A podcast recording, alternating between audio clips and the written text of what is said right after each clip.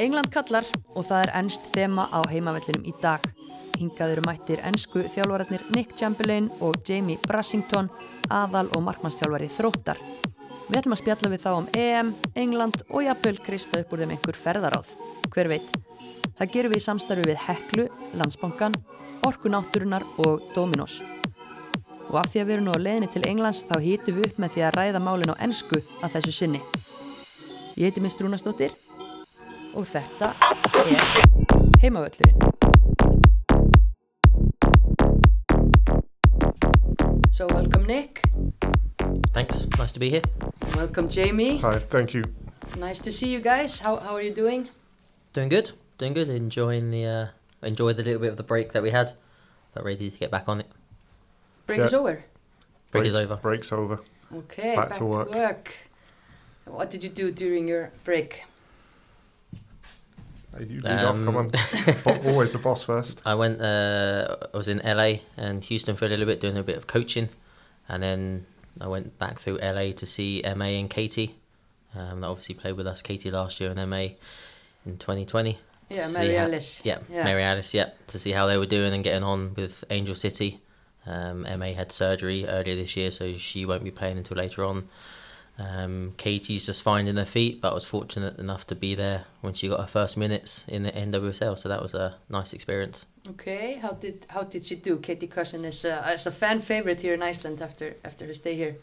Uh, she only got like two or three minutes. It was a case of just a time wasting sub, and actually Angel City ended up conceding, and it ended up being one-one when she was on. It wasn't her fault, but Okay. it kind of put a taint on the old experience. But you know, just being in in LA, seeing Angel City, um, they had seventeen thousand people there, and that's an average for them.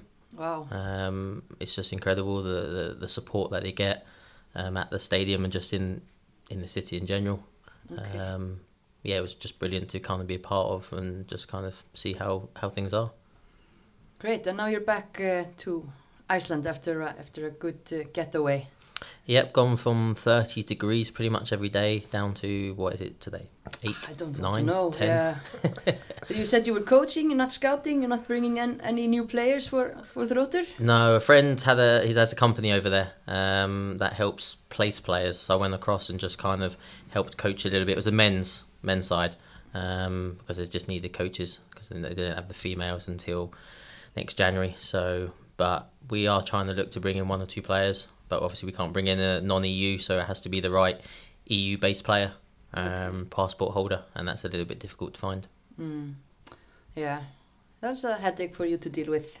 Yeah, it's nothing new. Yeah. okay. Yeah. Uh, what about you, Jamie? What have you Uh, been up to? So, first part of the break, I was away with the under 23s women's team, as you know, Yeah. uh, in Estonia, and that was a fantastic experience and opportunity. And then back working at the club last week with the men's team and the, the kids at the club, uh, sort of helping their development and giving them an opportunity to grow. Yeah. So no pause for you actually. No, no pause for me. Work every day, just constantly, Yeah. while the boss gets to go away on holiday and live the dream. Jamie's got to earn it. He's gonna earn it. He's got to earn it first. Yeah, but you must be happy happy with uh, having Jamie on your side. Your keeper has been doing very well. I mean, we, we tried to get rid of him 2017, but then he came back. Um, and so we just can't. 2018, you went, didn't you? 2018. But he keeps coming back. You sent him to Taiwan. Yep, pretty much. Um, Couldn't For- have gone for- much further. no. No, Australia was about the next stop, and then Hawaii. I think that Yeah. didn't quite make it that far. But you came back. I came back, yeah, got a great opportunity to come back and work alongside Nick and work at Þróttur on what they're trying to do at the club and some great people involved there and really happy with what we're doing and what we're building, especially with the women's team over the last two or three seasons. Uh, yeah, it's been been a great experience for everyone involved. Yeah. I might want to get back on that uh, later because I find it interesting how, how long you guys last on this cold Atlantic uh, island. Happy to have you though, not to say otherwise. But uh, a big thing happened yesterday. The Euros took off. Uh, finally, we've been waiting for a long time, haven't we? Yep. And yeah. uh, full sold out stadium at uh, Old Trafford in the opening match. How, like, what was your, uh, how do you say, what was your thought on that whole thing? I mean, I, I caught. I was fortunate enough to keep a, uh, catch some of the build up on BBC and the coverage. Um, you know, just having it on BBC One uh, at relatively prime time is, is is big as it is. But it was yeah, it was nice. It was you know maybe maybe a little bit emotional because it's as it is the first time it's kind of really took off back home, and I think you know the first probably the first women's national tournament that is probably really big. I mean, you've got you've had the World Cups and the previous years, but I think the last one, uh, you know, it's just not really kind of taken off. This is the first one now. Is that you had sixty eight thousand mm-hmm. watching. Um, so it's great, and I think you know all the news outlets, as we were talking before, you know, not just here but around Europe and around the world, like ESPN and in Australia, everybody's taking taking a hold of it. Mm-hmm. Um, so it's going to be exciting. It's going yeah. to be really exciting. Exactly, the world is watching. Mm-hmm. Uh, and uh, what did you think of this uh, opening match, just as a, as a start to this tournament? What to expect? Yeah, I thought it was a good game. I managed to catch most of the game because we were, we had training yesterday as well. But I thought the atmosphere, the crowd, with a lot of young kids there, uh, really enjoying the occasion and being part of it. And I was saying on a Wednesday night, England's still in school mm-hmm. and people are turning up to the game to support the, the, the football and the country. And I think it was quite a sort of cagey affair being within that atmosphere and with, with the fans watching. And obviously, from our point of view, was a was a good result, three points and a and a mm. clean sheet for England. Hopefully, that continues throughout the tournament. Yeah, I mean, a lot of people are, are speaking highly of the English team, and, and there are expectations both on the English team and a lot of eyes on the coach Sarina Wiegman as well. Mm -hmm. She's a she's a winner. Yeah. And a winner with a good team in her hands. Yep, serial winner, and I think that's part of the reason why I think she's at England now. I don't know if you agree with that, Nick. That the the FA are looking to develop the game in England, both to win tournaments with the men and the women, and to raise the profile of the country. And to do that, you need to bring in people who win and like we'll see how the tournament goes, like we say, but it's a good start and we had some good games leading up into this tournament as well. I caught a few of the games toward in uh, World Cup qualifiers and the most recent friendlies, and they're playing some exciting football. So yeah, it's it's been interesting to see. Mm. No, no, I agree with with Sarina coming in. It's, uh, I mean, I was never a fan of Phil Neville in the job anyway because I think it was a bit of a joke the way he was given the job with not very much coaching experience and zero coaching in the women. And he just kind of was a kind of a stopgap. Mm-hmm. They need someone to replace Mark Sampson at the time with with the issue, with his issues that was going on, and they did okay. Um, I think we're only just starting to begin to see how this England team's going to be because he's only been in here in a bit now. Mm-hmm. Um, so he's still going to take some time to really kind of leave a mark. Um, but it was it was it was definitely a tentative affair. The game, um, Austria were, were were were good. They're a hard to break down team. Mm-hmm. Um, I think England played in, in, the World Cup qualifiers as well, and it was only one 0 and there wasn't really many chances. You know, Austria were very good tactically in terms of the defensive side of things. When England had the ball in their half, they pressed them high, but as soon as they broke the lines, they dropped back and just made it compact. Mm-hmm. So it was difficult for England to kind of really get into a proper rhythm. Um, but you know, then the changes. You know, the exciting thing about England is that they've just got so much depth and quality going forward. Um, so they always can change things and you know always looking dangerous. Mm-hmm. Um, we're a little bit light in midfield, but it'll be interesting to see if if Leah Williamson gets pushed into midfield to kind of shore it up, and then Alex Greenwood wasn't playing, um, which was a surprise because you had Rachel Daly, who's naturally a forward for Houston. She's actually the all-time scorer there. Oh, really? Um, yeah, but okay. she doesn't. She doesn't play as an attacking player for England. She's mm-hmm. kind of just a bit of a utility player. So we, I, when I was at Fjarðabyggð, I was speaking to her. We were trying to get to join us in 2015. Really? Yeah, she was. We were talking. Yeah, it was. It was kind of getting to the final stages, but then she got an ankle injury and just stayed at St John's and went down to the Nike, Nike Academy. Mm. Um, but yeah, that would have been interesting had she come, come to Fjarðabyggð. yeah, exactly. Yeah, you were coaching there before you uh, took over at Þróttur. So, what year did you arrive in Iceland? Um, Counting on your fingers now. No, the first I came originally to play in 2007 for Álftanes. I used to just play in the summers out of university uh, in America, just because we had a bunch of Icelandics there, and they just invited me across. You were in the Icelandic colony over there. Yes, in Montgomery, Alabama. Exactly. Yeah. Um, AUM was the was the school. Um, mm. Shout out to the Warhawks as they are now known. Um, but yeah, so those used to come over. Seven and eight. Uh, seven was Álftanes. Eight was with EHAL, which was a really strange experience. Nine, I stayed in America. Ten was with Huginn. Eleven was free. Twelve, thirteen was Huginn. Um, then 14 and 15 was with Fjarðabyggð because I went, I wasn't, you know, I went back to America and wasn't doing my masters. I wasn't really thinking about playing that much. Okay. But then Binny Guest was was the coach out there, and he invited me across and said you can coach the women, and so that's when I really kind of started coaching the women, 14 and 15 out there. And you almost got uh, a European final player to join uh, Fjallabith. Yes, almost. Yeah. That, yeah. But now they have a Chinese national player, so uh, I mean, it's uh, it has an attraction to play Yes. in the East for Yeah, sure. Exactly. Okay, interesting. But uh, we were talking about the, you know, England and the variety they have forward, Mm. and uh, the coach Sarina Wiegman. Brave woman makes a triple substitution one hour into the game. Uh, was it a matter of how brave she is as a coach, or was it a matter of she just has so much quality, you know, in her squad that she can easily do that? I mean, I think it's a case she's just got the quality and just and brave as well because nothing was really working. Uh, Beth Mead was disappearing a little bit. Ellen White wasn't really offering much, nor was Fran Kirby. So you may as well just go. If I can change it, let's change it. Um, and it also shows the faith that she has in Lauren Hemp. You know, the, the 20, 21 year old. You're Yeah. just going. I'm going to keep her on because she's exciting, she's dangerous, and take off it more experienced players. Go nope. We're just going to go for people that just want to get the ball and just drive. Yeah, exactly. Wh- which players uh, stood out for you yesterday? I'm, I'm going to be a little bit biased and say obviously the one moment Mary Earps had, she makes the big save. They're very calm in the game as well. And I think if you want to do well in tournaments, I think you need to have that solid base to begin with. And so, yeah, for me, was just from a goalkeeping point of view, very solid. Okay. Yeah, she made a very important save by the end of the the match, Yep. which uh, I mean could have easily easily been an equalizer from Austria at that point.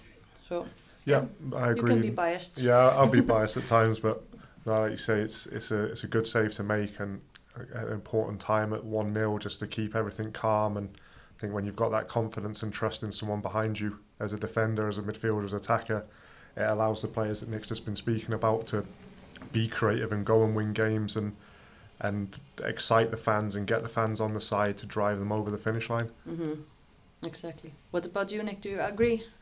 Yeah, she. I mean, she was. You know, had a relatively quiet game, but I mean, that's what top goalkeepers are about. Mhm. You know, when it's the moment comes to just be routine or make a big save, they they, they do it, and she did it well. Um, I thought Keira Walsh was probably the best player on the pitch, along with well, along with Millie Bright, just clearing everything outside the box. You Yeah. know, you know, Austria put in dangerous set pick where they put dangerous balls into the box, but she was just just headed everything clear. Just such a good defender. hmm Yeah. Well, we've been mentioning a lot of uh, high class, uh, top class player and the top class coach. Uh, is it coming home this year? Is football coming home? I've started saying it around a little bit and already winding people up. Um, I mean, they, they certainly have the, the the capabilities to. It's just the midfield that's a little bit questionable. Um, Austria had did have a little bit of success playing through, and you know against a technical midfield like a Spain, who you know who they're gonna meet in the final, but um, might come into a little bit of trouble. Yeah. But attacking wise, you've got options. Defensively, they're solid. It's just that midfield for me. Mm. Uh, It's, you've always got to back your home nation to, to do well, and uh, when we say it, we're saying it as a joke, but of course there's a little bit of pride there as well that we want our home country to, to have success and, and do well and and progress in the tournament in front of our own fans. hmm Exactly. But uh, apart from uh, England and Iceland, of course, uh, who who are your favorites to to uh, win this thing? Um, obviously Spain, but obviously they're missing Alexia now. Ouch, w- that was horrible. Yeah, which might change things, but it might not. But yeah, they've still got you know more than a good enough team. Um, uh, Italy, they could be a bit of a dark horse. You know, they're progressing slowly. Mm. Uh, they might come through, but you know, Sweden across the board, they don't have any any superstars players, but they're just seven out of tens from front to back. There's not really any any sort of weaknesses. Mhm. Um, so they'll be they'll be there or thereabouts as well. Um, and then who you know then the then the fourth semi final spot could be it could be up. Germany might get through the group, they might not because it's a Mm. group of death Yeah. in that one. It is a group of death. That's true. Yeah. A difficult group that. I don't. know, I think. I think for me, I'm gonna go out. I'm gonna go out there and say Sweden. I've, I've just. I don't know why. I just have a feeling. Obviously, just come what runners up in the Olympics. I think back to back actually runners up. Mhm. So obviously you know how to get into that final stage and can they look to, to finish it off now and sort of surprise a few people. Yeah. Yeah, well, only time will tell. But uh, talking about winners, I'm gonna throw the Domino's question, question at you guys. Are you ready to catch? Yep. Yeah, but Ho- first, hopefully, how was the pizza? oh, fantastic. Can't beat a meat and cheese. No, especially after a a training session in this bloody weather. Pardon my language. No, exactly. No, no. Jamie, Jamie loves a Domino's. Me- Yeah. Whenever Mega Week comes along, he is all over it. Uh, same as our sports scientist. He asks me every week, when's Mega Week? When's Mega Week? And I have to keep like, calm down. It's coming. It's coming. It's coming. But yeah, got to got to enjoy good Domino's every now and again. Yeah, and I mean there might be a few coming up uh, as the Euros are coming up, and, and nothing Yeah. beats uh, a pizza and uh, and a great uh, football match. Uh, late nights in the office watching the games, talking about what's been happening, and enjoying pizza at the same time. You can't argue with that. No, perfect, perfect. Um, so yeah, back to the question. yeah. there's a question actually, uh, and there's a winning theme in the question. So which player has won the most Euros? I guess we're talking female. We're talking female. Uh. yeah. Be a German player. Yes, you're onto something. Yeah. What German player is that? That's a question. That is a very good She's question. retired. I was leaning that way.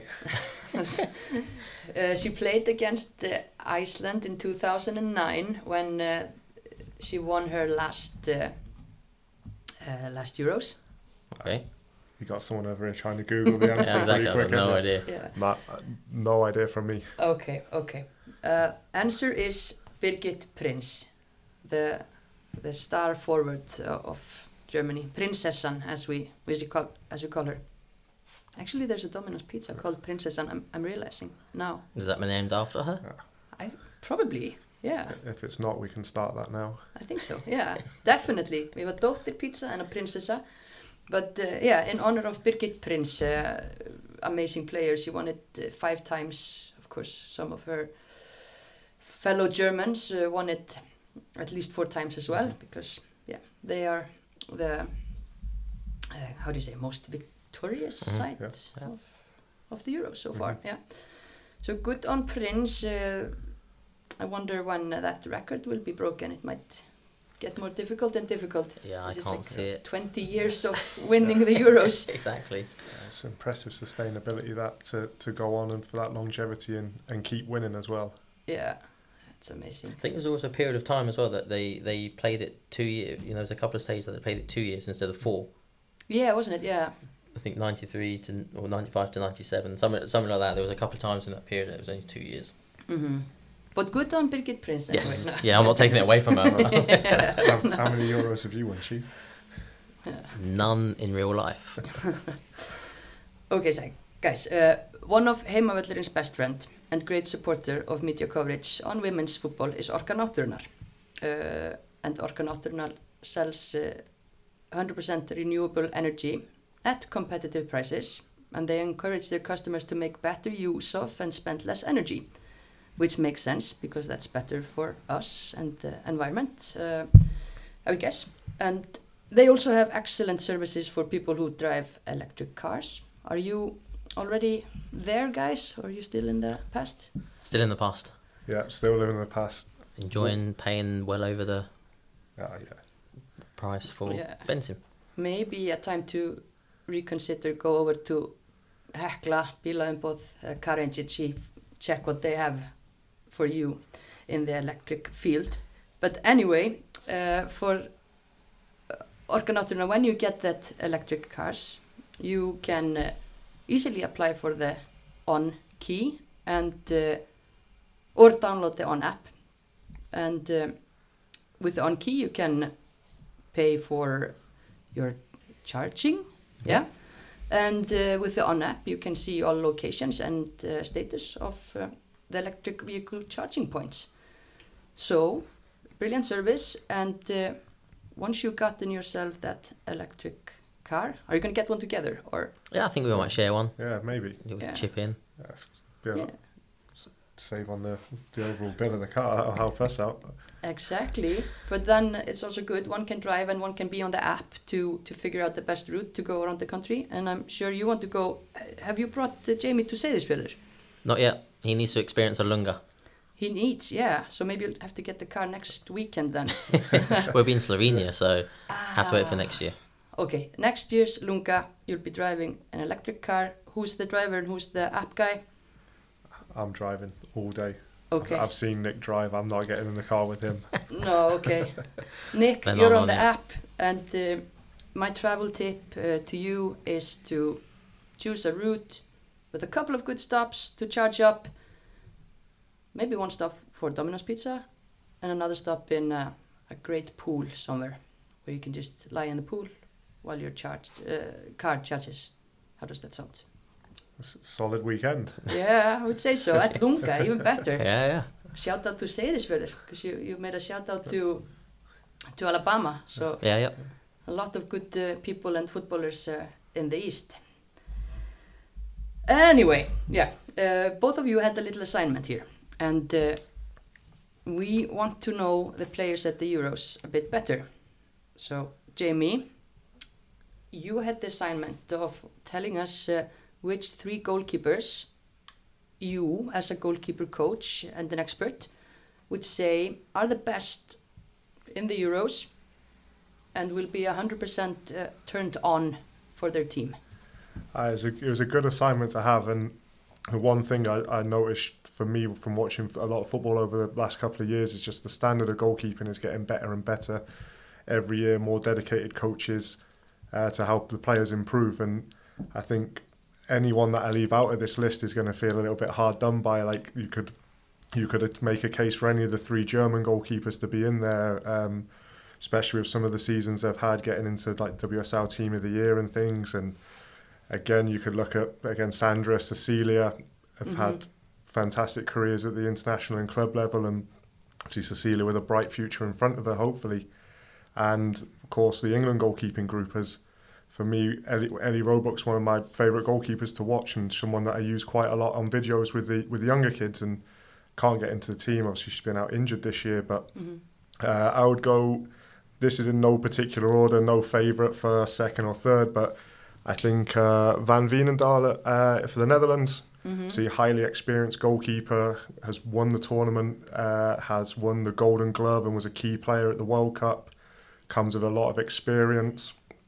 Managed to catch her playing, uh, obviously, but down by Þróttur against Iceland, and uh, she's just someone who's very calm, steady, good positioning, reads the game very well, and uses her experience to help her through the game. Uh, had a little bit of a disappointing game against England recently with a, with one or two of the goals, but I'm sure she's going to bounce back and be able to guide the team to some victories and hopefully a few clean sheets on the way. Mhm. Uh, I'm going to go with second choice with uh, Zinsberger of Austria. I thought it was a little bit unfortunate with the goal yesterday, uh, but with the ball, she I thought she was very good at making what decisions she's made, who she was playing the passes to, the quality and detail of the pass. I think that's someone who could uh, potentially help out, uh, Austria get out of the group. Mhm. Uh, with a big Arsenal is a performance. Yeah, plays with Arsenal. Uh, going to drop I think a little name drop. Uh, Seb, the goalkeeper coach there. Okay. I know him a little bit from coaching against him. Clang. And yeah, so everyone pick that one up off the floor. And he's a fantastic guy, fantastic goalkeeper coach. So she's in good hands at her club. And again, this year I think conceded ten goals in twenty games, and they're playing at that sort of level. You, you're not doing that if you're if you're a bad goalkeeper. So I think she's definitely someone who young players should look up to and and maybe model part of their game on. Mhm. And uh, finally, Sandra Panos at uh, Barcelona Yeah. uh, for, for Spain. Um, again, a little, maybe a little bit different in style to the to the first two, but very quick around a goal, fantastic reflexes. Uh, I believe she got nominated for the Ballon d'Or as well, which again, as a goalkeeper, that how often does that happen? Uh, so, and playing in a team that wins, used to winning. Um, again, I think she is someone that maybe not as not a tall goalkeeper, maybe a, a smaller goalkeeper might be able to model their game on and uh, sort of develop themselves that way. So it's not all about physical height and positioning. It might be about your speed and your reflexes around the goal. Mm-hmm. I think that that's the biggest one for me is like there are three that I'm picking out, but maybe young girls, young boys that are going to watch the tournament might find someone different that they resonate with, someone that they go, oh, I like how that goalkeeper plays, or oh, that's really good what they do there. I'm going to take that, and I think all the goalkeepers provide something that that players can learn from and improve. So, yeah, I think the standard's going to be good, but they're my three that eventually, if they go on and get out of the groups and get to the finals, these are the people that are going to step up and and Mhm. deliver for their country. Yeah. Hopefully, Sounds legit. Definitely a lot of amazing keepers, as you say, but Mhm. it's always good to for people to hear about, uh, you know, keepers to keep an eye on, Mhm. and uh, who better to tell us uh, to do that uh, than you, Jamie? uh, hopefully. Usually, usually when I say someone's good, they end up having a bad game. So I try not to say anything anymore. Don't say anything about England or Iceland then, yeah, and it's fine. Nick, you got another task, a little bit uh, different. Uh, Orka Náttúrunnar is always looking to the future, and so are we. So, could you tell our audience about three super promising players at the tournament that we keep, uh, we should keep our, our eyes on? Don't have to be starters or anything, just players of the future. Yeah. Um, I decided to change it. I went for one one from each group Okay. instead instead of just going for a top three. I thought it'd be you just do your own thing. That's Yeah, what yeah, I- that's exactly. fine, It's just like, as always, you know, Is this the Nik Chamberlain Nick podcast? Chamberlain show. No, um, Go for it, Nick. Yeah, so from the Group A, I went Lauren Hemp, you know, because that's just uh, an easy one, as we Yeah. talked about a, a little bit earlier. I think she's a standout and didn't have a great game yesterday, but I think she's just going to get stronger and stronger. Um, she's going to get kicked a lot, but she's a player that just excites, sets in the ball and just dribbles at players, can go inside and out and can finish and assist. So she's going to be a name um, on people's, you know, should be hopefully should be a ho- household name at the end of the tournament for, in England. But she's been what did what f- four times the most promising player in England or something. Yep, 20 this year, nothing last year, 20, 19, 17. Okay, when's she gonna grow up uh, from from being promising and and, And just winning being- the best player? Uh, yeah, when when she becomes old enough, I guess. So, but you know, it'd be interesting to see how long she, you know, she she stays in England, because I think you know she may just well she may well stay there, but it'd be interesting if she could get abroad and get enticed by a, a, a top superpower hmm uh, women's team. Um, group B, um, went for you know there's a, a striker winger at Bayern, Klara Bühl, I think Mhm. and that's how, how you would say it. What's the U with the accent above it? Bull. Bull, Yeah. yeah, Bull, Bull. Did five years of German at school and I couldn't tell you. hmm um, so yes, I think she's you know she'll be bits and bits and pieces along with that German front line. She scored a hat trick against Switzerland leading up to this. Um, she scored an you remember the free kick against PSG in the Champions League, just Mhm. rock, smashed it in from from the edge of the box. Um, so she's you know might not be a massive play a massive part, but she's going to have certainly have a, a influence. Um, quality come off the bench. Um, Group C, Group C was a weird one. There's just nothing. You know, Sweden's a relatively old squad. hmm Uh, Portugal are only there because Russia aren't there, so there's not really much quality there. Um, no offense to Portugal, but it's true. And Netherlands are, are, are you know got a relatively older squad as well. Um, but I went with Hanna Bennison because she plays at He- Everton. She was at Rosengard coming through, so I caught bits and pieces of her throughout the summer. Going to be a decent little play play making midfielder. Uh, I Mhm. think she's only eighteen. She, she might get some minutes, you know, to f- finish off some games, but uh, you know she probably won't be a massive massive part of them. But she's certainly one to keep an eye on for the future. hmm Um, group D, obviously you have Mary Antoinette Katoto. Yeah. That's, that's an easy one. Um, so I've gone for uh, Agnese Bon Bonfantini from Italy. Yeah. She hasn't really. She's in the squad, but she hasn't played any. She hasn't. I think she's played many minutes at the moment. But she was at Juventus and she's made a kind of breakthrough year. Um, so I mean, she's going to be certainly one to watch for the future. I don't think she say she might not have much of an impact this hmm tournament, but that's who I would say keep an eye on, especially when they when they get to the Champions League Yeah. to watch next year. Definitely, it's it's. Uh, yeah, we're looking towards the future. Hopefully, get, they'll get some minutes, and uh, uh, she'll get some minutes to show what she can do this summer. But with Juventus, you said. Yeah, yeah, she's at Juventus. Sarah's, yeah, Sarah's Sarah's new. Yeah, so Yeah. she she probably get to know quite well. Yeah, definitely. Well, that's very good. I, I love how you went your own way with this assignment. It, it was a good way to do it. Uh, I love how you stuck to the guidance, Jamie. Let's go back to England. Obviously, you guys are both English. Uh, whereabout in England are you from? Um, I'm from Eastbourne. It's on the southeast coast. It's by Brighton. That's what most people know of. Um, ah, it's, it's Florida, the UK. Most sun hours. Um, it's where everybody goes to retire. Demographically, it's the oldest place, oldest age group in, in, in England. I think last time I saw the average age was 73 or something like that. Okay, nice. So it's a wonderful, hip, happening town to go and party. Yeah, you can take the train into Brighton, I guess. You can take the train to Brighton and go to London as well. There's a couple of clubs there. It's all right. Yeah. So yeah, interesting. thing is, Perry from Thorcar is having his uh, his wedding there later Oh, later really? this year. So I thought it's gonna. I have to create something to, so they can have a bit good time after the after the ceremony. Ah, nice. Is he from there as well? No. Why? Why? I, I don't know. I think they just they were just looking and they just you know so it was a nice place the, the the chapel where they're going to. I mean it is a really lovely town and you got Beachy Head, you've got the Downs. I mean it's it's got a lot of hi- hi- historical. You know it's the first motorized bus service in the UK as well. Thinking about it, um, but yeah, it's, it's a really nice place. So I guess they just saw it as just you know nice place to have a wedding, which which it is. Okay, and all, are we all invited? You'll have to ask Perry. Yeah. I'm invited, so Yeah.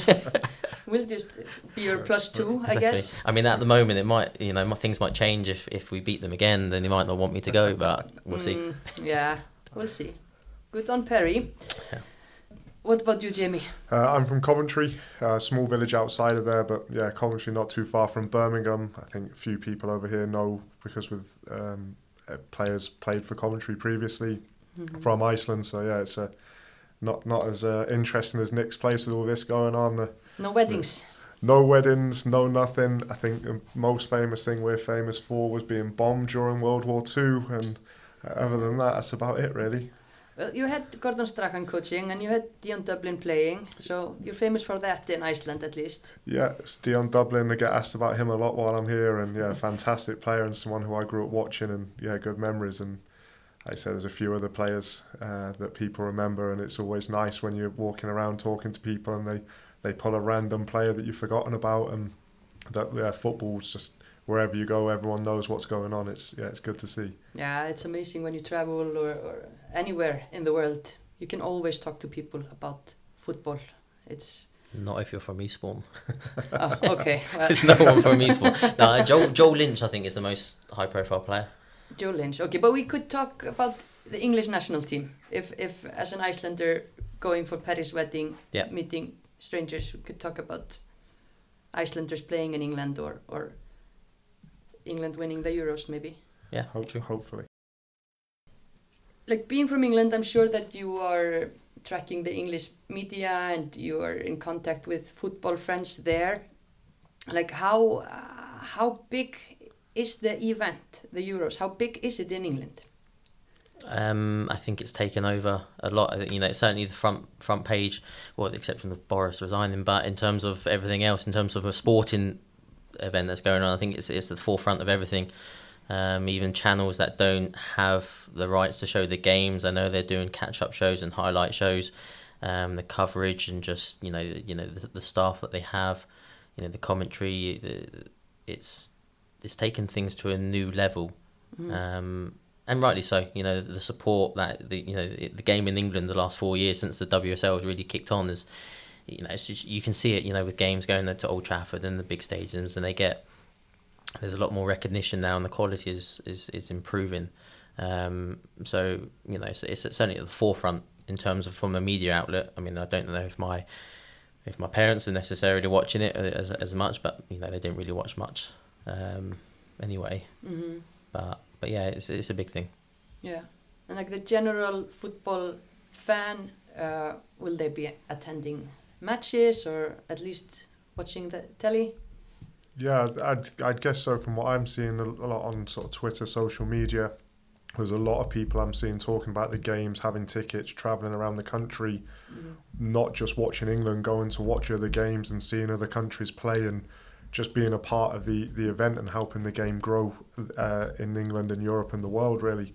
Mhm. Uh, there's there's a big buzz and like any excuse to, to go and watch the game down the pub with your friends and have a few drinks and have a good time and and sort of celebrating that is is something to be part of and something that's seen as very positive and good. So Mhm. like yeah, for me a lot of really a lot of positivity around the game at the minute back home. Mhm. Uh, You, you only have to see the, the, the England players getting sent off from St George's Park. People are going to the, the training ground and the hotel where they were staying to to welcome uh, to to see them off on the way to Manchester yesterday. So I don't think that would have happened maybe five, 10, 15 years ago in the numbers it was happening with. So I think it's really gripped the the country and just the general football fan.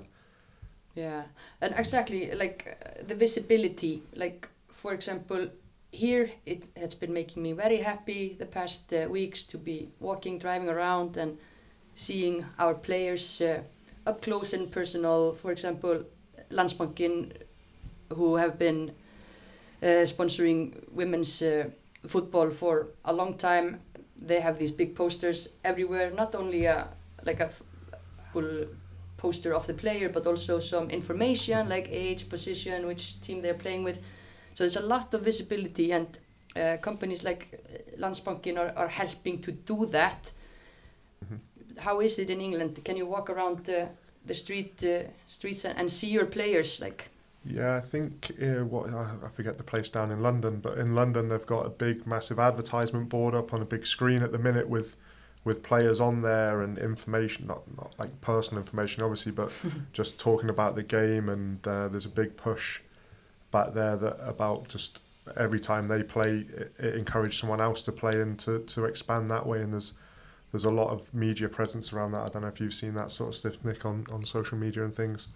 Yeah, I mean the, the the TV companies have really got behind that the last couple of years. You know, they they know they're probably not making uh, making money. Let's be honest. You know, that's what they're there for. But they've recognised the exposure and, and the good. You know, the good that it's doing for the women's game. I think it goes it goes gets greatly appreciated.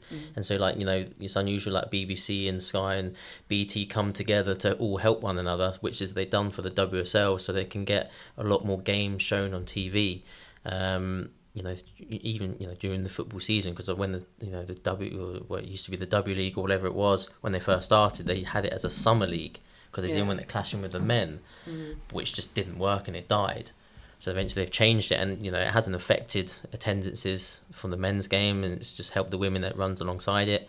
Um, so I mean, it's it's it- yeah, so it's very big. I mean, obviously, don't you know, don't live back home anymore, so we don't get necessarily a chance to walk around and kind of see posters and stuff like this. But just through, as Jamie said, on social media, and you know, for myself, being able to watch it here in Iceland through BBC, BT Sport or Sky Sports is, uh, it, yes, it's come a long way and, and rightly deserved. Yeah. I mean, when you were kids growing up, did you know the faces of the national team players of, of uh, England's women's team? I mean, I knew a few. I mean, I, I I've always been, you know, just as a, as a sports maniac in, in general. Um, you know, Kelly Smith was the main one at Arsenal. Rachel Yankey, Hope Powell, the main, you know, main th- three that come to mind. Um, but it wasn't the case. You know, you might get a case of the cup final, the FA Cup final would get shown on on TV, but I never watched it. Um, so it wasn't the exposure wasn't that great, and you know I think the quality, as Jamie mentioned earlier, with the quality of goalkeeping, the quality in the game itself has improved a lot since it's got yeah since it's become more professional. So it's a lot more attractive to watch, which Yeah. is going to happen. I still think it's a, a way to go, like with with the goalkeepers as well. You know, people suggested, ah, you know, you make the goal smaller. No, it's just you know that's not you can't do it from a practical point of view. But you know, if you from the female goalkeeper side of things, there hasn't been enough still focus on the individual as a goalkeeper. You know, you just look around. You could just look around Iceland. How many teams have a regular goalkeeper coach that works with their female on a daily basis? I don't think every club in the country does. No. No, but uh, there was a Kawasi goalkeeping uh, event a couple of weeks ago. there, the uh, the goalkeeper coach from Manchester United in, and the the coaches in there was more coaches around the women's Besta deild um, that were there more so than anyone else, and it was it was really refreshing to see that people were taking their time on a Sunday out of their schedule to come down to, to develop to learn to interact with other people and I think that's sort of a credit to the, the coaching here that the people that are involved are very dedicated and, and moving forward and like Nik said back home in England you've got more professional roles coming into the into the game which are attracting better quality coaches more professionalism for the for the players which is which is fully deserved because at the end of the day it's it's football's football Mm-hmm. and for, for me if you're putting in the hours in to, to be uh, excellent at your craft then why why shouldn't you get the, the same if that makes sense Mm-hmm. and yeah um, we've been watching more and more games talking about the game more and I think it's it's important that it keeps growing in England especially for, for obviously from our point of view that like I remember being at primary school there was maybe two girls that played football and they just joined the lads and it, it is what it is. And there was there was never any sort of hard feelings or any like negativity towards them because they were footballers. Yeah. and arguably one of them was one of the best players I ever played with when- as a kid. And I think it's great that now like you're saying these young girls back in England young girls here are seeing that football is a viable career for them and they don't have to just play part time and try and survive that they can achieve something through having a good attitude good work rate and good footballing ability Mm. I think as the game continues to grow, we're just going to see more and more high quality players, Mhm. and I think that's beneficial to just everyone involved in football. Yeah, I mean, with that growing up, I know knew of one girl that played football when I was growing up. Okay. Um, when I used to coach at a small academy on a Saturday. So, so she wasn't even like one of my peers. She was like a f- you know good you know good few years younger. Um, she would be the only girl there. Um, but things have changed now. You've got a lot more girls. You've got a girl. You've got two women's teams. I think now in, in Eastbourne. All Yeah. 70 plus. All seventy plus. Yeah. bit, bit of walking football. Gungabolti. Gungabolti, yeah. But yeah, it's amazing, and and and uh, just love watching the growing of the game and uh, the standard and and uh, all of these role models we're gonna see now during the the Euros. It's so exciting. hmm Yeah, same. same. And talking about the Euros, there's been a lot of discussion like about uh, pitches, stadiums, uh, facilities. Do you guys think UEFA and the FA picked the best or most capable host cities, places? cities and clubs they have to they have to make bids so it's got to go through a, a process and then uh, you know UEFA it's got to be UEFA standard as Mm. well which you know I think the, the city ground uh, Nor- Nottingham Forest ground was one of them until 2019 when it got replaced by the Leigh Sports Village Mm. um, because it must be something down to UEFA. There must be things that they must hit, and a lot of stadiums in England, you know, the ones that you might want to have like fifteen to twenty thousand, they're quite old. So then they're not going to hit UEFA things, and it's not as though it's like a, a Qatar when you can build stadiums again. It's just it is what it is. Mhm. So the Milton Keynes is one that was relatively new that holds you know hosts all sorts of uh, sporting events. Um, Rotherham is relative is, is relatively new as well. So all the brand new stadiums get built that way. So the same with the Sports Village and the same with the the, the Man City's training ground. Um, could they have done it a little bit better? I think you know yes.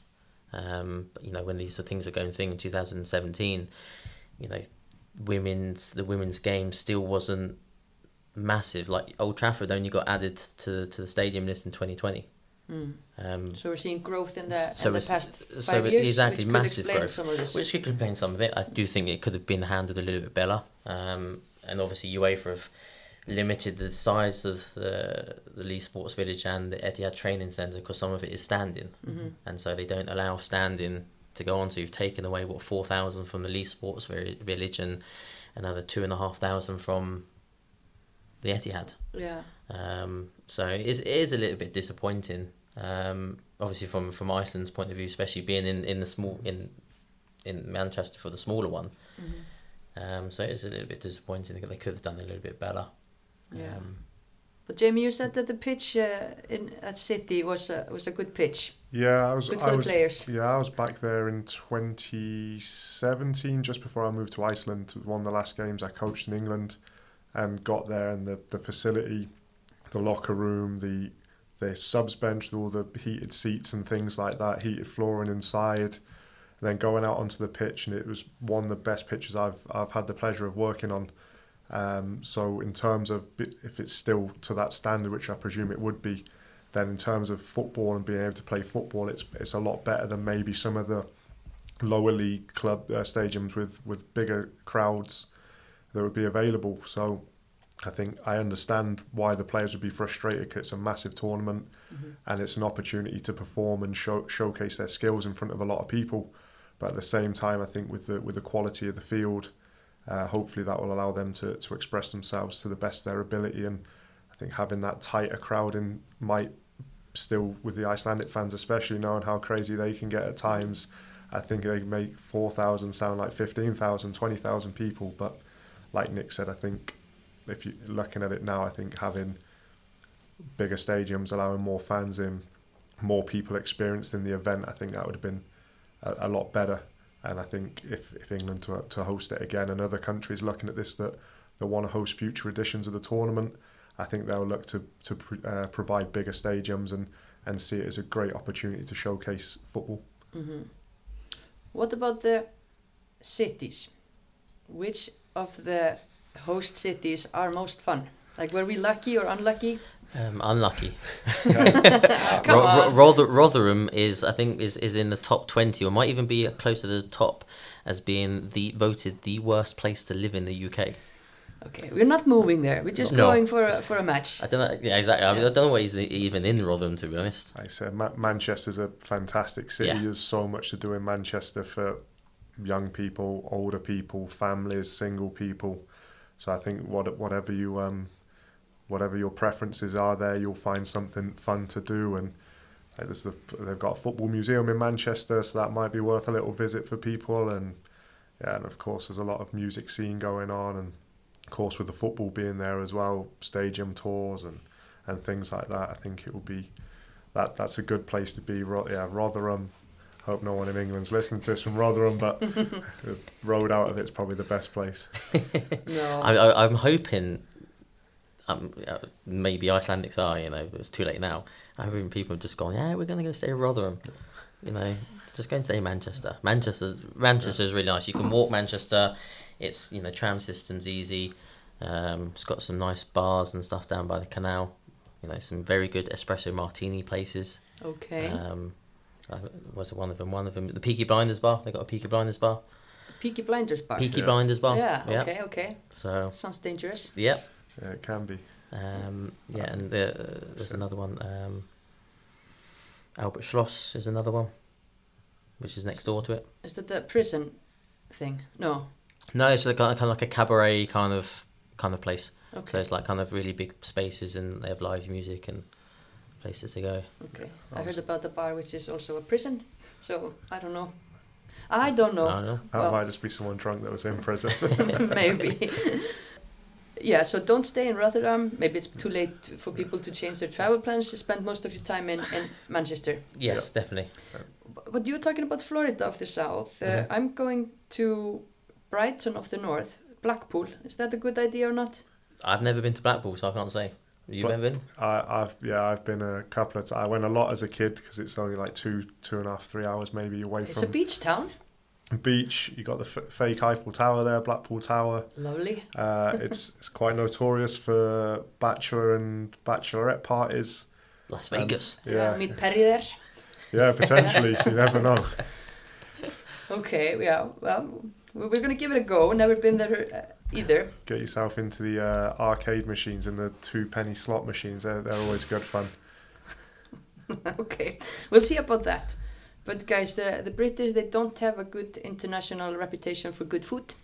What should Icelanders try? Fish and chips. Yeah, That's f- without f- a doubt. Don't care Yeah. what anybody says. semi-Icelandic with the fish anyway. So Yeah, but I mean, there's only what there's only been one decent place that we found. I've found outside of Ice, outside of England. That's good in fish and chips. That's actually down in Clemmer. Um, Yeah. Fe- Fjallhusið. yeah, Yeah. Fjárhúsið. Yeah. Yeah. So that is that is the best fish and chips outside. It's not still not up there as compared to any fish and chips back home. Okay.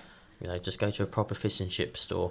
So we just go go to the shabbiest shop we see, or should we go to a, a fancy place? No, Uh, because just- then it's yeah. you want to get it in like a bag. Maybe Yeah. not in a newspaper because I don't think any good newspapers now. Okay. But fish and chips, salt and vinegar. You know, you might add some mushy peas in there, wouldn't you? I, I would go for a little steak and kidney pie personally with some uh, gravy, chips and gravy. A battered sausage. Yeah. That's what people need to try. They, they're battered sausage. The battered sausage. Battered sausage. Is that like a deep fried battered Sausage. Sausage. thingy? Yeah. Okay, okay. Yeah. Yeah, What about those vegetarians? What should do we have in England? oh, that's a good question. Uh, like, get, like in, Indian food. Chips. No, no, Indian yeah, food. chips. In, Indian food. Just I know, chips. So, so English, but yeah, I, there's like if you vegetarian food, uh, a lot of Indian restaurants, their food for me. Yeah, it's really high quality in fantastic. Indian food in England. Yeah, That's- that's so true. good. It's, Yeah. it's difficult to find that level here as well. Pricey to find it, Yeah, very at least. Okay, okay. So Indian, for me, battered sausages for, for, everyone else. For everyone else. for everyone else. Chips, yes. Wonderful, wonderful. Uh, any local non-alcoholic drinks that Icelanders should try? I don't know From- what you bring like a little da- random ones like dandelion and burdock. I don't know if they make that anymore. That makes don't even know what that makes is. me- come on, you're older than me. You know that. I don't, not down south. Ah, that must be a northern special. Uh, I, it's not English, but obviously Irn-Bru. That's, Ugh. that's always Yeah. that's always one. And Scottish, right? Yeah, I've, Uh, I've, I've given a shout out to the Scottish. That's that's a new one for me.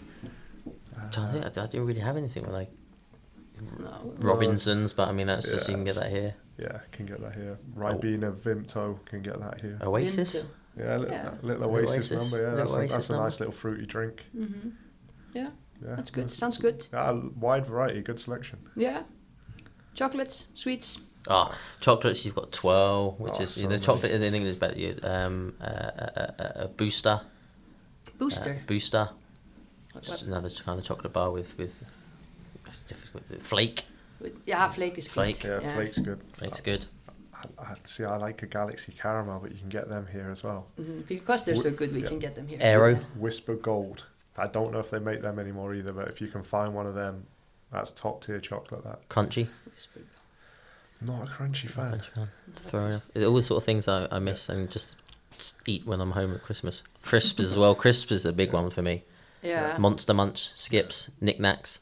Yeah, Wow. Knick, Nik Naks are the best, Yeah. obviously, with a name. ah, monster munch for me. Yeah. Yeah. You're a nation of, of sweets. Skip. Yeah. Skips. Hula hoops. Can go on and on about, about all the all the all the sweets, but okay. Plenty of dessert, that's for sure.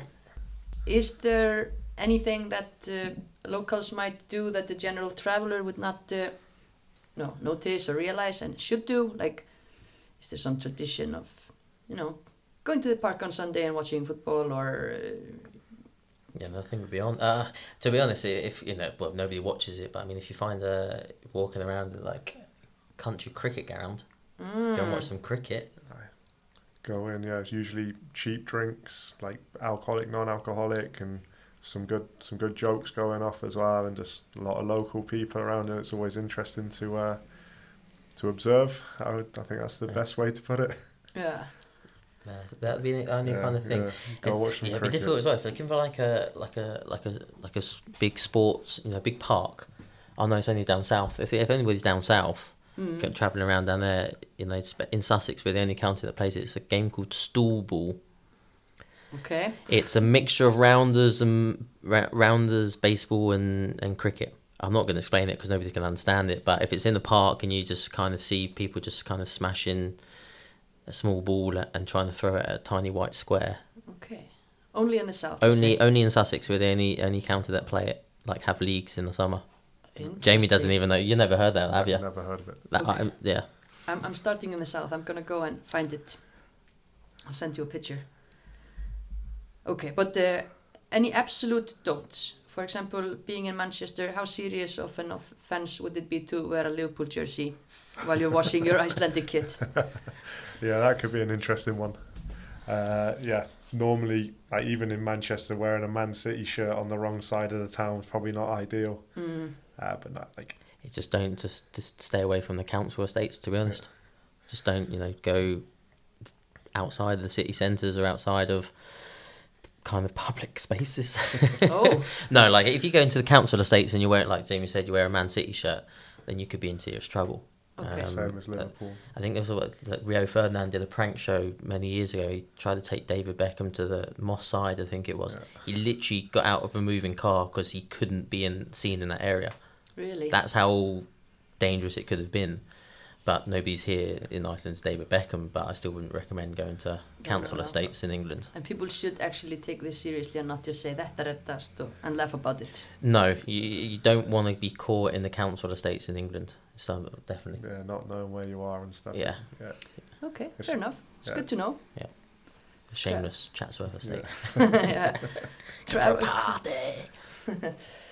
good, uh, good travel tips for us, uh, and I think yeah, a lot of people are gonna be going. So also, just want to suggest to everyone going to download the Women's Euro app on their phone. There's loads of information about tournament matches and also just about what's happening in the cities. It's a very good app, and also.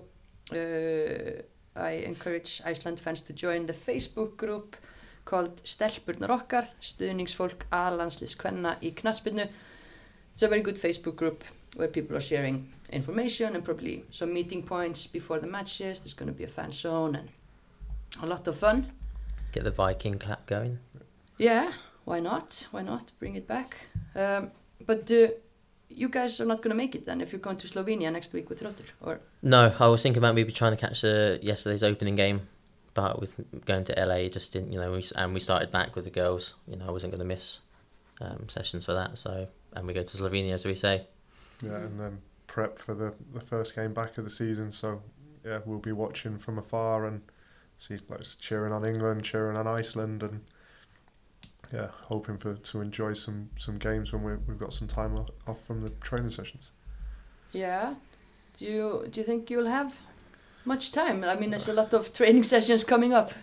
Uh, yeah, good question. We'll we'll always make time, and we, we try and watch games back if we've missed them, and and so we can keep up to date with what's going on for, for our knowledge and to, to help the players we work with as well, and and to maybe take new ideas into what we're doing and and things like that. So yeah, we'll always make time to, to watch football. I've Mhm. just- I've just scheduled the, the the practices around when England and Iceland are playing. Okay. Quite simple, really. That's very good, very good.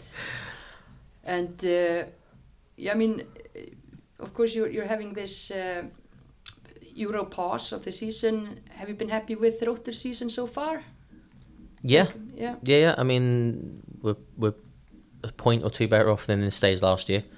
Um, so that's just the goal is to be a little bit better.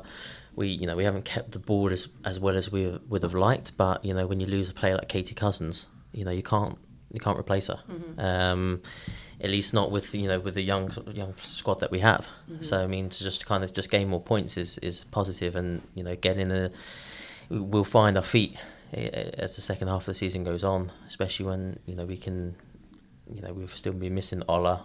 Simon was missing quite a bit.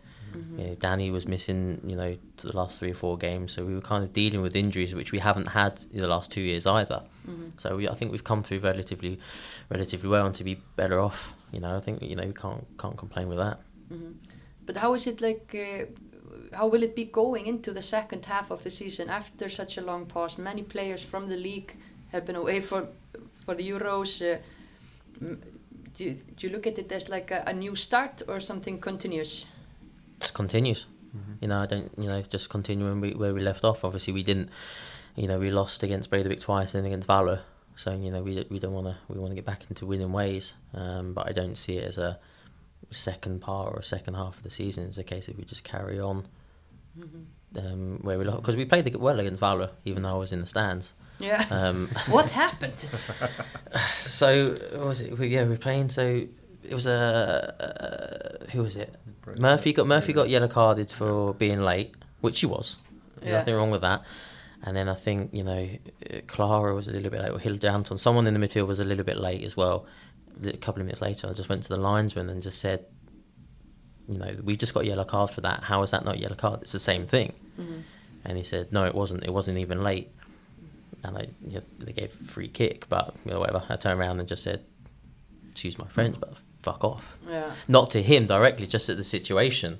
And he panicked and waved the flag and just said Nik deserves a red card, and the referee gave me a red Sent card. off, yeah.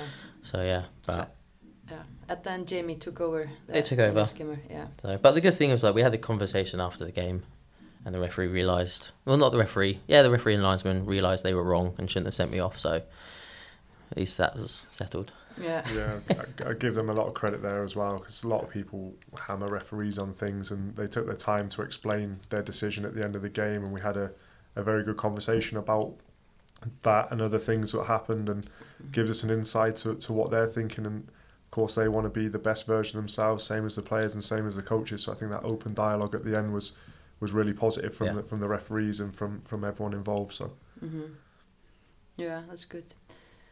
And as we mentioned before, like you both been here for a while, you for very long, you for a few years, which Mhm. is also becoming very long. Uh, what is it that keeps you in Icelandic football? Easy question. Easy question. um, it's just the opportunity. It's just like I mean I wouldn't have been able to do what do what I'm doing elsewhere. Um, at least for the qualifications I had at the time when when I was offered the job at Þróttur. Um, you know, and just the willingness to just be able to coach. You know, every group there was at the times, Mr. Flocker, and the Flocker, Three Flocker, Few Flocker. That's Mhm. what I was doing to begin with. Um, and so it's just a case of that. I've been able to just keep developing. You know, we keep progressing as a team. You know, the players I've had, you know, Alva, Sole, Andrea, and Yelena for well, since 2016, Mhm. and we keep managing to add to the game. You know, I feel like as a coach, I keep developing as well, and it's a great environment for us to be able to do it. Because if I was to go back home, I wouldn't get much of a look in, or would have to work part time. Um, in America as well, it's, it's you know maybe a different kind of system if I was to go there. So I've just in, thoroughly enjoyed just being able to just develop and just coach Mhm. on a, on a, a full time basis, really. Mhm. Okay. What's about you? Yeah, same in, in terms of opportunities. So I was I was working back in England within the professional game as a head of goalkeeping for a, for a professional club, and uh, I just wanted to experience something new. I wanted to move into first team football and and compete at the highest level that I possibly could as a coach. And the opportunity come here, and I didn't know much about the country or the, the football before I came. And the more and more I've been around it, the more I see a lot of passionate people in coaching roles, volunteer roles, in the media. There's there's a real thirst for football here, and people want to get better. And the players and the people that want to get better are moving slowly towards the top. And like I just sort of said, players are being given the opportunity to move abroad, and there's there's not many places that allow you to live in such a nice place and work full time in football and ex- to play on TV to to be exposed to playing against international players, opportunities to get into Champions Leagues and and things like that. And that that's what excites me as a coach and, and competing against the best and being part of the best. And hopefully, this this that's why I'm still here is because we see a little maybe a little pathway that that we can help develop football here as well as develop ourselves. hmm So what what do you think positive about uh, the fo- Icelandic football and about the development that has been going on here the past years? I think you know the ability that you know that kids get opportunities to play every day or at least four times a week um, is is is is remarkable. Really, you know I don't think there's many places that you could go around the world where kids are training on on every day. Um, so that's the opportunities that they get is is massive. Um, obviously, with more indoor spaces being built and more pitches being built, so that should only improve. Because I know, you know, one of the, one of the main issues with, with clubs, or at least with with Throtters, sometimes like in the winter, we've only got the one pitch. Mhm. At least, eventually, when the new ones get built. So then you've got you know you've got three or flock of boys out there that have 60, 70 kids that might be sharing half a pitch with f- fewer flock of girls that have fifty kids. So I mean it's it's it's it, it's still a struggle, but you know with more indoor places being built, with more out you know more ghetto grass being built, the, the the spaces will be there, and I think it's going to continue to to improve. Um, but as well, you know the the amount of qualified coaches, UEFA A, UEFA B, should help as well. Um, so yeah, I mean it's it's it's it's a it's a great opportunity, great place to be to to develop as a as a coach, definitely. Um, No, I'm the same. Like again, touching on what Nik just said. Then, like when I was probably 13, 14 years old, I was training once a week on maybe a five-a-side astroturf pitch, artificial pitch, or we was like trying to use the floodlights on the back of a pitch and had like 20 meters of space. and then I'd play with my friends down the park on a Saturday, play on a Sunday, and that was it. Mhm. And you come here, and we've got kids 13, 14, uh, and obviously I'm speaking from Þróttur's point of view because that's what I know. We've got, for example, our goalkeepers will train four times a week with their team, and then they'll get three goalkeeper sessions a week on top of that, and they get access to gym sessions as well with a, with our strength coach that we've got. So, just the opportunity for players to develop and improve here is is so much better than a lot of other countries. Of course, they're not playing for Man United's, Real Madrid's, Arsenal's, and playing in for these big clubs at 12s, 13s, 14s. But the the chances they get are very very similar in terms of contact time, Mhm. and I think it's like I say, it's a great place. If I was if I was a young kid here, I'd have just absolutely loved growing up here because of that opportunity. Mhm. And in your opinion, where could we do better? What What is the easiest to spot? Um, from a personal point of view, I think coach education can can can be improved a little bit. I think I think the coaches, you know, I think there's a lot of now that doesn't just come from the KSÍ themselves, you know, because they do offer courses, and I think you know th- there could be a little bit more done done from them in terms of the overall quality of what is de- delivered, but also coaches themselves. You know, everybody seems very kind of um, puts up a little bit of a wall. Mm. My, in, you know, my my opinion, my experience is that's like you know, you you, and instead of kind of just trying to share ideas and just yeah, kind of have to keep our secrets to ourselves. exactly Yeah. and just kind of have open a little bit more open dialogue. Um, you know, but you know that's that's where I think an area could be improved in. Uh, maybe even you know sometimes being a little bit clubs more so on the men's side. You know, I think on the on the female side, I think that they've been very open to um, having a lot more foreign coaches in, whether or not that's by design or a case of just lim- limited um, availability. I think you know on the on the men's side, I think it's something that could be looked in a little bit, a little bit more to have just some more different, fresh ideas coming in Mm. because you know you've got Icelandics that just come through the Icelandic system that very rarely go abroad and experience another culture, another way of football, and then to bring it back here. It's kind of like coming up and this is the way it's meant to be and this is where it's taught, Yeah, rather than kind of you know fortunately we've been in other countries. I obviously grew up in England, experienced a little bit in America, so I've had slightly different. Jamie's obviously went through the professional system in England as well, so he has a little bit more of a of a knowledge. But you know, you don't get coaches here um, that come through a professional setup, so they're just kind of doing what they think is best, and also yeah, just kind of doing what they think is best, and then just it's like this is me. I'm not going to change. You know, I was speaking to a friend earlier today, actually. You know, who who um, who who's had had the coach a few years ago as well, um, and you know it's about six years ago. And I asked him how's it going, and he says we're still doing the same exercises. Mm. For me as a coach, you know, as unless you're at the very very top, you've got to always be developing. I think sometimes people kind of just get stuck. You know, in my, at least in my experience and talking with people and seeing things in, in Iceland. Mm. Um, so I think you know a little bit more coach education, a little bit more openness to discuss with other coaches. You Send know, more people to Taiwan, maybe. send more people to Taiwan, a little bit more abroad, or just have a little chat after the game. You know, you know, when I've spoken a cup with a couple of coaches this year after games. You know, so well, how do you think the game went? How did you sell up? What did you think went well? Just you know, a little bit of dialogue. You don't have to give them everything, Mhm. but then it just should start you thinking a little bit. I mean, because I just look at myself from when I was first started at Þróttur to now, you know, it's a night and day in terms of how I was as a coach, and I know I've still got m- a million miles to go. Yeah. Yeah, I think evolution. I think that's the best one. Yeah. Like things work, which is great, but how can people keep building on that? And I've been fortunate to be part of a few interesting conversations recently with with some people who I hold in high regard and some of the best coaches I've I've personally worked with with within the KWC and talking with them guys. They want to they want to help improve uh, the standard of what's going on here and and keep continuing to develop the game to, to so one produce players for the national team to make the league more exciting.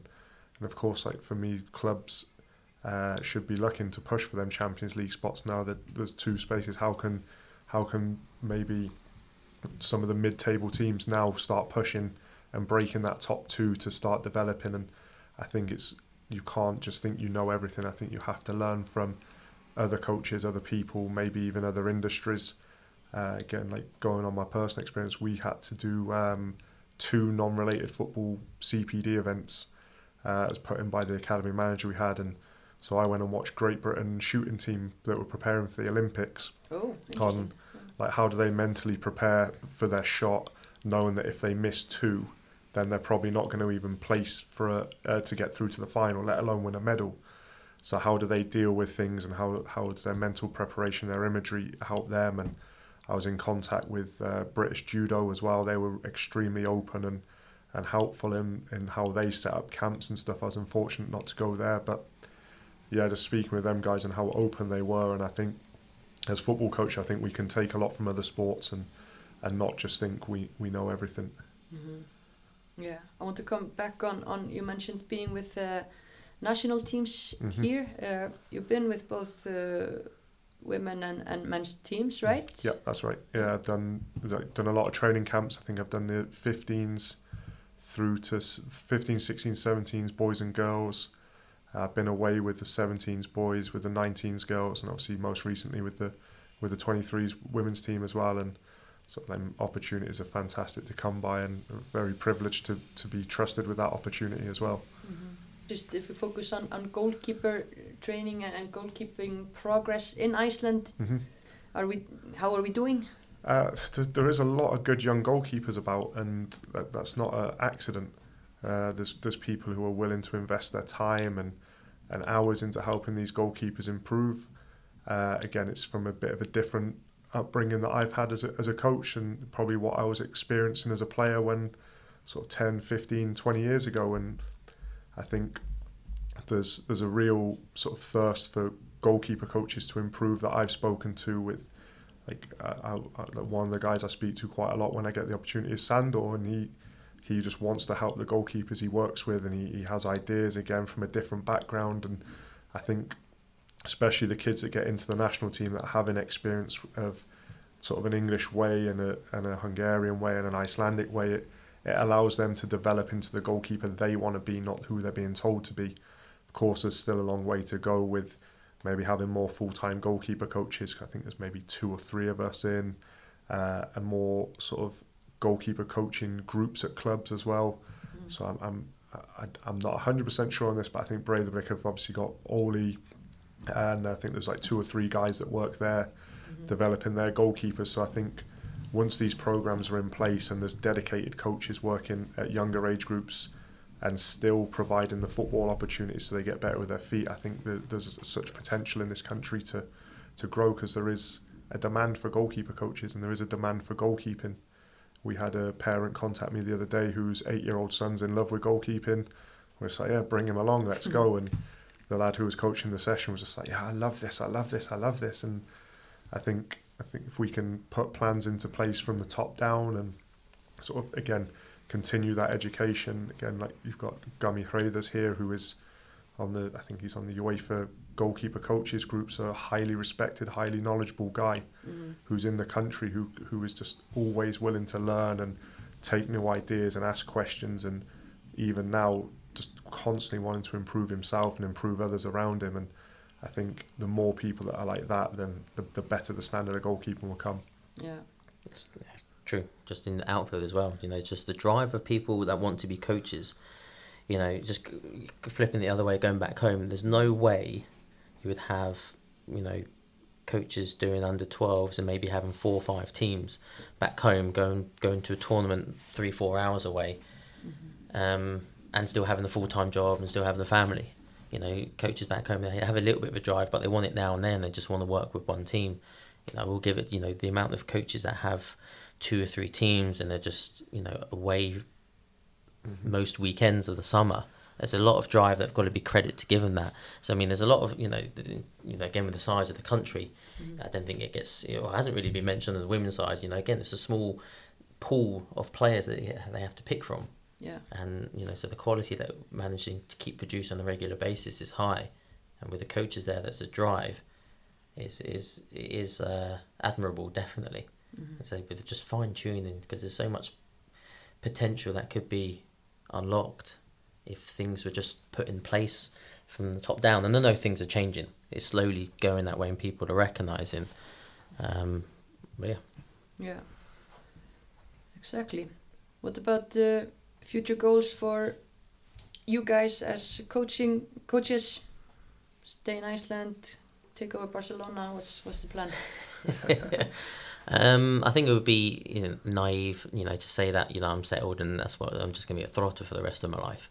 Um, obviously, I've got goals and, and and dreams as long as I can, you know, progress and go along the right track. I mean, you know, maybe it is with Þróttur, who knows? But, you know, everybody's got to be taking step forwards. Um, but, you know, having a little bit of experience watching Beta at Kristianstad and, and then seeing how Angel City works as well, you know, being in the professional game where you are working with full time professionals, that is the next step for me. You know, even though we do have players and, you know, they do give a hell of a lot of their time, you know, where they are kind of almost professional with the amount of time they give it's just those little bit of things that extra that you can bring in, bring them in, just have video meetings, and you know that's their job. That's what they want to do. They're not, you know, missing sessions here and there because of work, because of family, which is understandable. Mm-hmm. But for me, it's I want that next step for me has you know should be in in, in a professional environment. Yeah. Set up. That's that's where I would like to be, and where where that be, I don't I don't care to be honest. But I mean, I'm not quite there yet. I mean, no, I, we have to win the Champions League with Þróttur first. Exactly, we've got to get to the Champions League. I mean, I've got what two years here left. Um, next year, I can apply for my citizenship, which I'll do as well. Oh. So I mean, I don't, you know, I do plan on being licensed for the next few years, um, unless of course Barcelona come knocking and say they want me. who knows? Um, who knows? But um, so I mean, I do plan here f- for the next few years, so I can keep developing a little bit. But eventually, that would be the goal for me, is to, you know, be in charge of a full time professional setup in one of the top top leagues. Mm-hmm. Nice. Yeah, for for me, I, I think this is going to sound a little bit cliche, but I just I want to be happy in the role that I'm in, and of course, like Nik's just said, that I have my own goals and things that I want to do, and and wherever that is in the game, I'm I'm not sure, but ultimately, number one is am I happy, and number two, am I helping the people I'm working with, and if I'm doing them too, then it doesn't matter to me where I am, and at the minute now, I'm, I'm very happy. I get to work with a with good coaches on both the women's side with Nik and with Jeffsy on the men's and the other people around the club and the, the goalkeepers I work with day in day out from from Iris down to the the 10 11 year old kids it's it's a very enjoyable process at the minute and, and one that I'm, I'm hopefully going to be able to take forward mm. yeah that's good good good good um, and we just saw now on the screen that the match finished between uh, Norway and, and Northern Ireland 4-1 for Norway but uh, Lauren Wade former Þróttur player doing okay for, for Northern Ireland in their no, she, she, yeah, she's done well since she left. She didn't have a great time at Glasgow, Glasgow City. She didn't get a lot of playing time, but she went back to Northern Ireland with Glentoran and um, just banging in goals, you know, for, for, for, fun there. And you know, she's getting getting a good break. She worked with Kenny Shiels, the, the coach before, so he knows her. Mm-hmm. Um, but yeah, you know, she's she's obviously left us, and then she's got back into the national team, and it's a regular starter, and yeah, couldn't be more than more than happy for her. Exactly. How does it feel as a coach? Uh, she was playing in Lengjudeildin. She was not even playing with Rotur in in nope. Besta deildin. No, no, exactly. And now it's, she's at the Euros. Yeah, exactly. It's been it's been a, it's been a good year actually. You know, for, for former players from Þróttur. Um, obviously, Ma and a- Katie with with Angel City. Morgan Goff. She mm-hmm. started playing with the Washington Spirit. You know, she was part of the training squad when they won it last year. Um, so you know, and then then Lauren. So it's been it's been good. Um, you know, for, from internationally, but even domestically as well. You know, Alva getting invited to the training squad, and then Solde and Andrea going with the with the twenty threes. Mm-hmm. Um, so it's, it's been great all across the board to see players develop and get into the national team. Yeah. Mm-hmm. Back to the foreign players because people are always talking about uh, Nik Chamberlain and how he how he's managed to uh, get some great foreign players in. You want to share the secret? um, no. no, I mean, no, it's just. I mean, obviously, with the American game being over there, I, I knew know the standard and, and you know can have an idea of what sort of players. But I, th- I think you know what what benefits what we try and do is that you know, when I was looking for a left back with with Ma, well, even with Olivia, that that came out with with Lauren, we needed the left back. We didn't have a left back. Mm. Some coaches I speak to, they were just like, oh, you know, why get a left back? Just put a youngster out there, and you know, just be strengthened in the middle. It's like I don't need that. I need a left back. So that's you know, we go after positions, we go after players that suit what we're trying to do, and in areas that we need strengthening, rather than just kind of stopgap. You know, so hopefully over time, you know, we can develop then a youngster to be able to fill into that position. Um, so that's why I think that's one of the main reasons we kind of look for players that suit what we're trying to do, rather than just kind of get a video and just kind of oh she plays for so and so she's got this accolade blah blah blah. Um, so yeah, so that's you know one of the main things I think that that's helped us. Mm-hmm. Um, I won't go into too much more detail of, No, of no. what I actually do, but I don't I don't get it always right. You know, I mean, I've, I've you know I've, I've I missed you know I got it wrong with with with with Brenna. Yeah. Um, Ah, yeah. yeah, I got it wrong with Brenna. I mean, I'm You had the chance to sign Brenna Lovera. Yep. Yeah. Yeah, and you know, I just felt, yeah, I was, you know, I, I, I went against my, my, my, my feeling that, that on that one, and you know, we we missed missed the boat with that one. Um, so I don't always get it right. Lucky So- Selfoss. Well, not Selfoss. lucky, but yeah, it's- no, yeah. that's been good. I mean, she, and yeah. she's been she's been fantastic down there. She's a hell of a striker. She's Mhm. definitely the best striker in in, in the division. Um, the last couple of years, Mhm. and she's you know she's very very good at, and you know I'm I'm sure that she'll well hopefully she gets a chance to you know maybe get to get get to the next level again not being horrible to Selfoss or, or one of them but for players to, to, to develop and move on um, you know it's, it's good and it's good for the Icelandic league Yeah. I think you know when players can come in here they do well and then move on it's a good advert for players to come here because it, do- it is getting harder to bring foreign players in because they all get they always get foreign they've all got agents now Yeah. and so the agents are just like, oh, they're too good for you. You know, I think I had a try to bring in a couple of English players. I was dealing with an English agent, and she was just like, "This is the level we think you're at. This is the level of player we think you you're good for." She was playing in the Northern Premier League or something, and I was just like, "You're kidding me, right? This, this- wrong." Exactly, Yeah. yeah. So it's, it's getting a little bit more difficult to, to deal with, with players and uh, to get players in because agents are snapping up everybody that's half decent in, in the college game. So it is getting a little bit harder to find a Katie Cousins, to find an MA, or even find a Steph that we had in 2020. Um, so you've just it's a case of just waiting as well, just waiting for the right time um, till something comes up and don't jump the gun. Yeah. But you know, keep for me to keep bringing in these level of players, it's gonna get it gets tougher and tougher. Yeah. Well, yeah. You have a second part of the season. You're not going to bring anyone new in.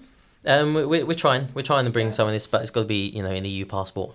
Yeah, yeah, EU, Um, yeah, so- the yeah. EU passport, you know, but that's becomes very difficult because the European leagues themselves getting stronger. Mm-hmm. You know, the, we missed out on the girl last year that wanted to go and play for Celtic.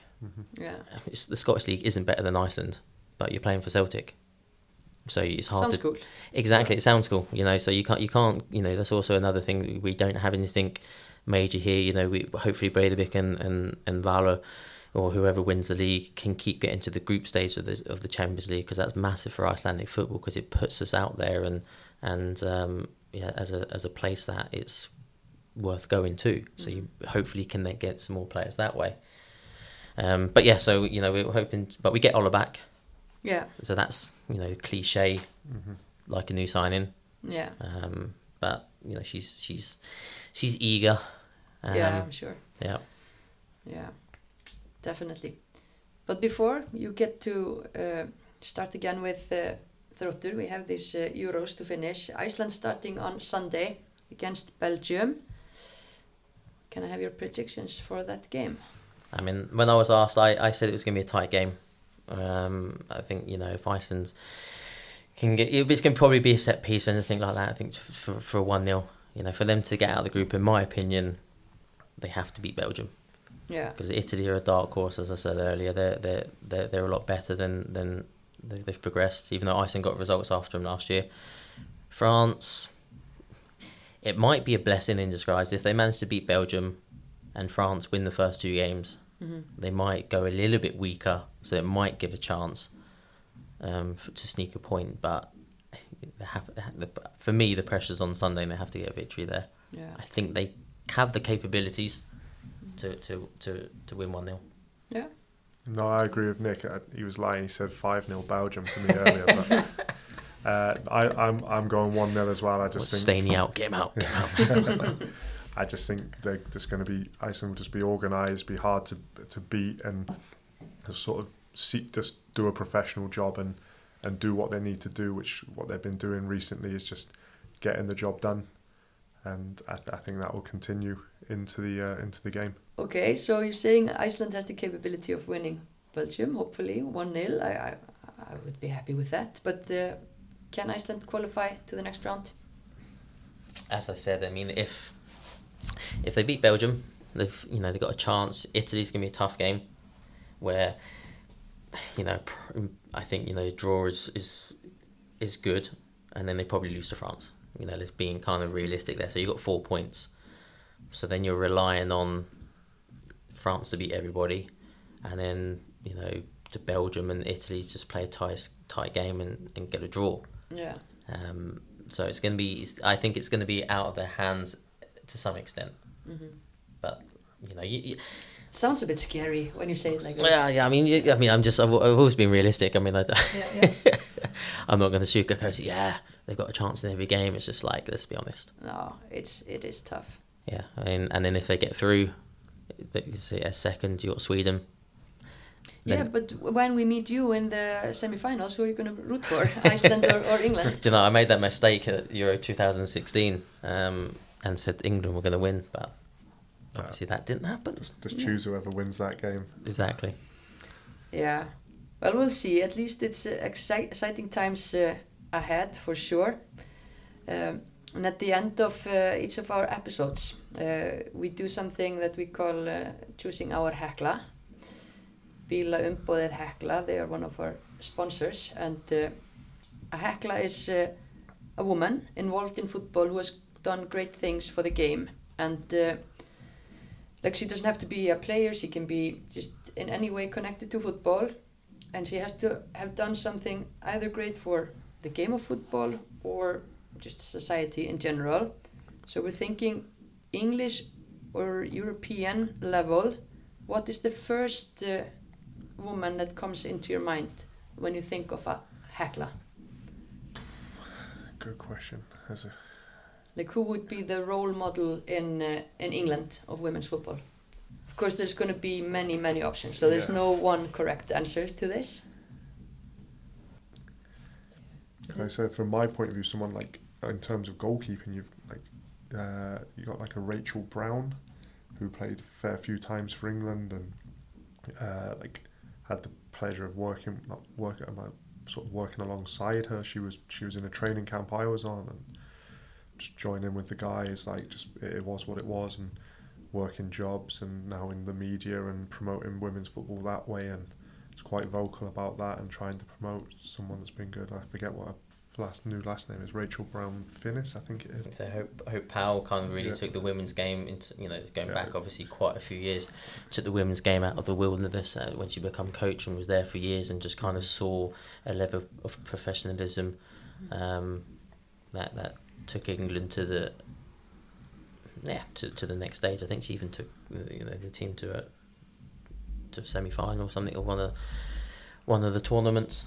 But you know she really kind of brought the game out. She wanted to make it professionalism. It went from in England just being a meh to, to China, you know, still couldn't compete with the big nations, but it was someone she brought it out of the darkness, Yeah, definitely. Again, two good candidates. I think they're they're. Uh, would have broke a lot of barriers down to get to where she got to as well. Yeah. Uh, yeah.